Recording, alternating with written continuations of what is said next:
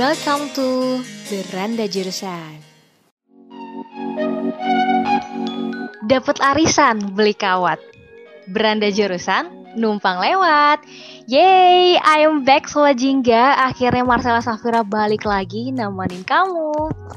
Eits, tapi sebelum itu ada yang baru nih Sobat Jingga. Kan biasanya aku jomblo ya, tapi kali ini enggak dong, karena ada siapa? Karena ada Ai di sini. Asik.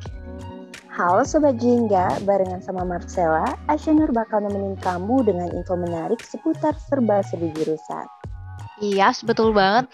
So, stay tune terus oke okay, Sobat Jingga. By the way, so, sekarang ini udah minggu liburan nggak sih? Uh, bener banget. Nah, cocok banget nih buat ngisi waktu sambil dengerin podcast keren teredukatif. Cuma di mana, Ai? Ya cuma di beranda jurusan dong. Asik. Oke, di episode kali ini kita mau bahas jurusan. Aku bisa nebak nih yang mau kamu bilang. Aduh, apa kamu tuh? Kamu mau bilang psikologi kan? Aduh, tuh kan anak psikologi nih gini ya. Jangan-jangan anak psikologi nih cenayang ya? Aduh, untuk jawab pertanyaan kamu, kita serahin ke ahlinya aja ya, Sel. Oh, boleh banget. Aduh kebetulan nih kita kedatangan narasumber yang keren pakai banget nih Sobat Jingga. Siapa tuh Ai? Beliau adalah mahasiswa psikologi tahun 2018 dan merupakan mawapres utama psikologi tahun 2020. Keren banget nggak tuh?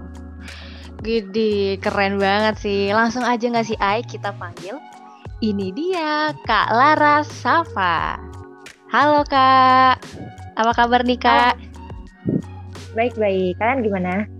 Alhamdulillah baik dong. Alhamdulillah baik kak. Boleh dong kak perkenalan dulu nih sama sobat Jingga di rumah biar lebih akrab lagi.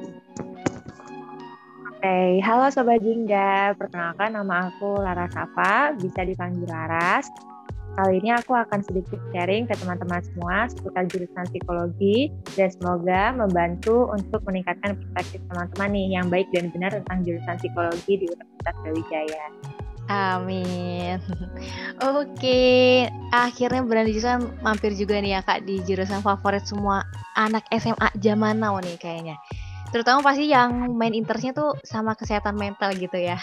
Nah, kak katanya tuh mahasiswa psikologi nih lelet banget soal healing mental health seseorang ya kak, entah dari stres ataupun tekanan lain gitu. Nah, kira-kira bener nggak sih kak? Dan sejauh dari yang udah pelajari nih boleh dong kak sharing tips uh, ngatasin stres atau struggling saat kuliah ala anak psikologi nih. Tuh, memang psikologi itu secara harfiah kita belajar tentang, tentang kesehatan mental sehingga of course mm -hmm kita mata kuliahnya tentang kesehatan mental ya, serta bagaimana cara kita meningkatkan kesehatan mental kita, termasuk di konteks stres itu tadi. Nah, kalau hmm. stres, kita bicara tentang stres itu ada banyak jenisnya. Mungkin yang mahasiswa atau yang pelajar itu mengalami stres akademik. Kalau di psikologi yang paling umum dan paling beken sekarang ini kita ada trik yang namanya mindfulness untuk fokus tentang apa yang ada sekarang. Jadi kadang kita stres bukan hanya dipicu oleh stimulus-stimulus yang terjadi saat ini, tapi juga karena kita expect too much terhadap apa yang ada di masa depan. Padahal yang ada di masa depan kan nggak bisa kita kontrol ya. Jadi hopefully cara kita bisa mindfulness dulu. Apa yang ada sekarang yang bisa dikerjakan sekarang yang bisa kita kontrol sekarang itu dulu deh yang kita kerjain gitu. Jadi stresnya bisa berkurang. Dan jangan lupa have fun ya. Apalagi liburan gini jangan stres yang mikirin tugas terus. Jangan lupa have fun me time. Itu juga penting biar stimulus kebahagiaannya juga terpacu kayak gitu Mm-mm, setuju banget sih kak. Selain itu juga nih kak, kalau kita udah mulai capek, jenuh, stres gitu ya, mending istirahat dulu nggak sih kak? Istirahat dulu sebentar gitu. Jadi pas ngerjain tugasnya lagi tuh pikiran kita udah fresh gitu ya. Ya intinya jangan lupa kasih reward untuk diri sendiri juga gitu. Abis ngerjain banyak tugas nih, bisa jeda dulu lakuin hal yang disukain biar nggak stres gitu ya kak. Ya betul betul betul banget. Oke, aku juga penasaran nih kak. Aku ingat banget waktu awal-awal aku jadi maba nih di jurusan psikologi, aku sering banget dikira bisa bisa membaca pikiran orang nih kak. Nah kalau kakak gimana nih menanggapinya, menanggapi asumsi-asumsi orang yang mikir kalau anak psikologi itu main reader gitu kak? Gimana tuh kak kira-kira? Ya, sebetulnya asumsi orang-orang itu berangkat karena minimnya pengetahuan detail seputar jurusan psikologi ya. Dan membaca orang itu mungkin direle, direlasikan dengan kemampuan anak-anak jurusan psikologi karena kita nantinya akan mendiagnosa seseorang, entah dia didiagnosa untuk dalam hal tes, tesnya itu seperti apa, atau didiagnosa dalam hal konseling.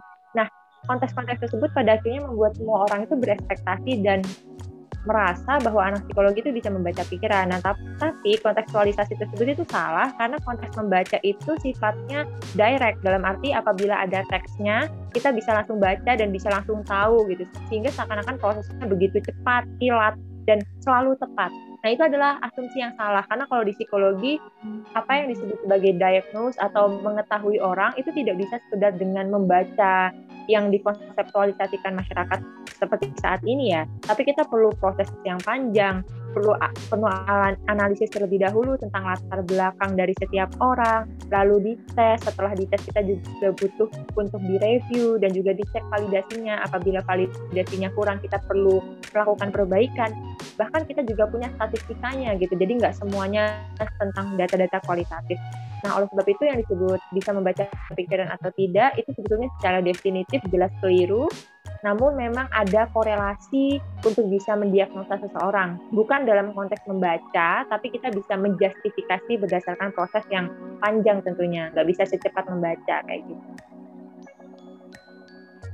Uh, iya, Oke, okay, berarti buk uh, kita emang kalau naik psikologi itu membacanya itu bukan membaca langsung gitu ya kak, tapi emang ada diagnosa-diagnosa yang dilakukan terlebih dahulu sebelum kita um, memberikan penilaian gitu ya kak?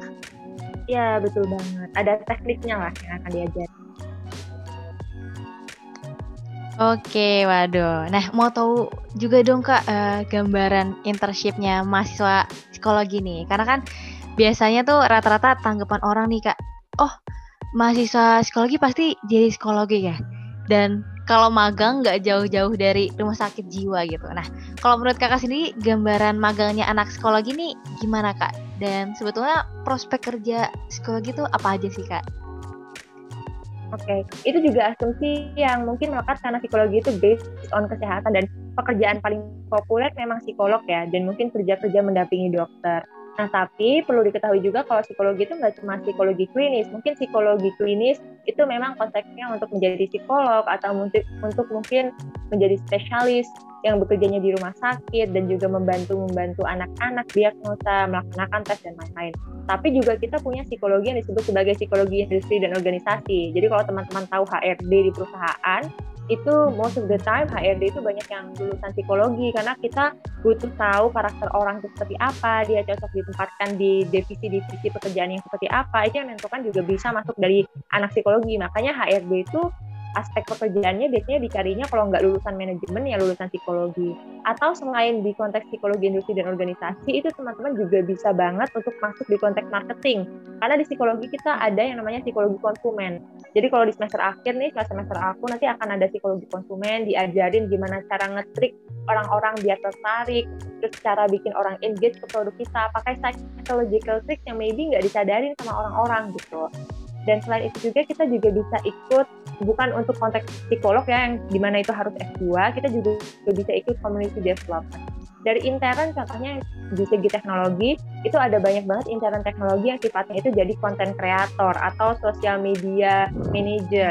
Terus kita juga bisa anak-anak psikologi itu masuk ke dalam perusahaan yang most of the time memang kita penempatannya lebih ke human resource nah human resource-nya dan human resource itu kan nggak melulu tentang just HRD secara spesifik ya, tapi human resource itu juga ada yang dalam arti dia pengembangan SDM untuk manajemen karyawannya atau ada juga yang ditempatkan untuk konsumennya. Jadi ada banyak banget yang bisa dilakukan. Dan lagi-lagi itu juga relate ke pekerjaan, jadi bukan cuma jadi psikolog, tapi juga bisa kerja di perusahaan, bisa jualan untuk trik-trik konsumen, dan juga bisa jadi guru, guru BK itu juga bisa banget anak psikologi. Aduh, jadi banyak banget ya kak peluang kerjanya nih. Gak heran sih ya kalau psikologi ini banyak banget gitu peminatnya. Karena psikologi juga kan salah satu jurusan yang pendalaman ilmunya tuh beragam gitu ya. Tadi yang sesuai Kalaris bilang kayak soal sosial, kesehatan, industri juga bisa bahkan marketing gitu ya kak. Jadi otomatis prospeknya terbilang luas lah ya kak. Betul, betul banget. Oke nih Kak Laras, terakhir nih Kak, kan kebetulan mahasiswa-mahasiswa 2020 juga maba-maba 2021 itu belum pernah ke kampus ya Kak. Boleh dong Kak kasih tahu gambaran anak psikologi nih kalau lagi nongkrong atau ngumpul gitu biasanya di mana sih Kak dan ngapain aja gitu Kak? Aku penasaran banget deh.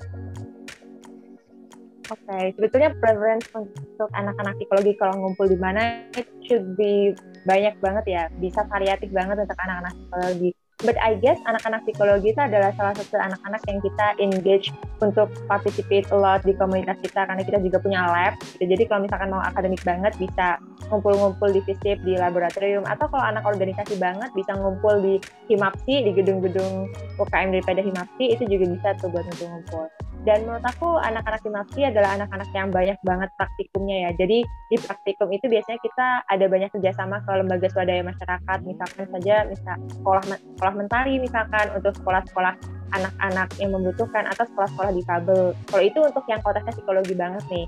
Kalau untuk nongki-nongki, aku rasa kita nggak punya tempat yang spesifik anak psikologi selalu ngumpul di mana gitu ya, karena aku rasa sama seperti anak jurusan lain, kita punya preferensi nongkrong yang beda-beda. Jadi kalau di jurusan kita ada spesifik karena emang ilmunya menuju ke sana. Kalau untuk sekedar nongkrong, aku rasa ada yang mungkin sukanya nongkrong di kampus, ada yang sukanya ke kafe dan lain-lain. Menurut aku kalian bisa explore sih selama itu maybe memuaskan afeksi untuk kebahagiaan dan kenyamanan kalian selama di Malang kayak gitu.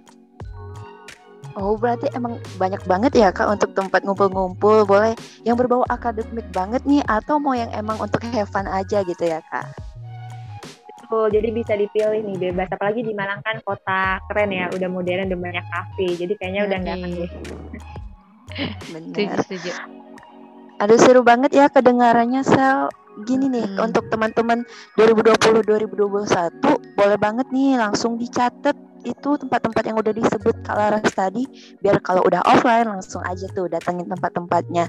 Tapi ingat harus tetap patuhi protokol kesehatan yang ada. Yo, betul banget. Nah, sebelum ngobrol-ngobrol kita berakhir nih, boleh dong Kak uh, closing statement gitu Kak, sedikit aja buat mahasiswa psikologi biar semangat terus nih kuliahnya.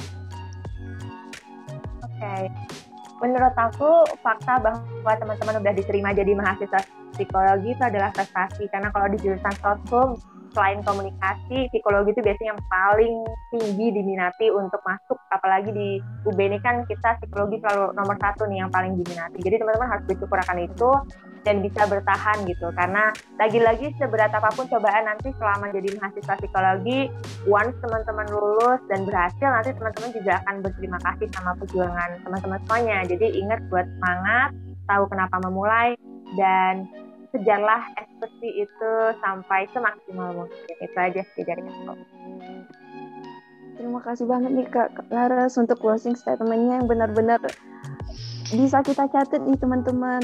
Ingat perjuangan awal teman-teman dan berusaha gitu untuk mencapainya selama di bangku kuliah ini. Betul. Thank you Laras udah mau sharing-sharing nih ilmu dan keseruannya jadi mahasiswa psikologi. Ya, sama ya. Dan makasih banyak juga ya Kak udah menyempatkan waktunya nih mampir ke beranda jurusan. Oke, nah gimana nih Ai sharing-sharing yang tadi?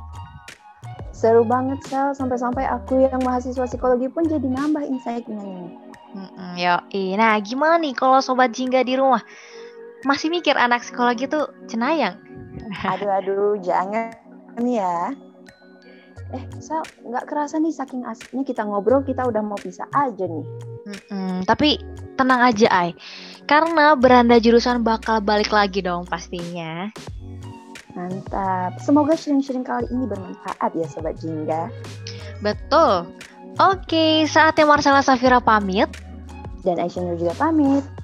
Stay sane and stay happy. See you dan nantikan beranda jurusan selanjutnya. Dah. Da.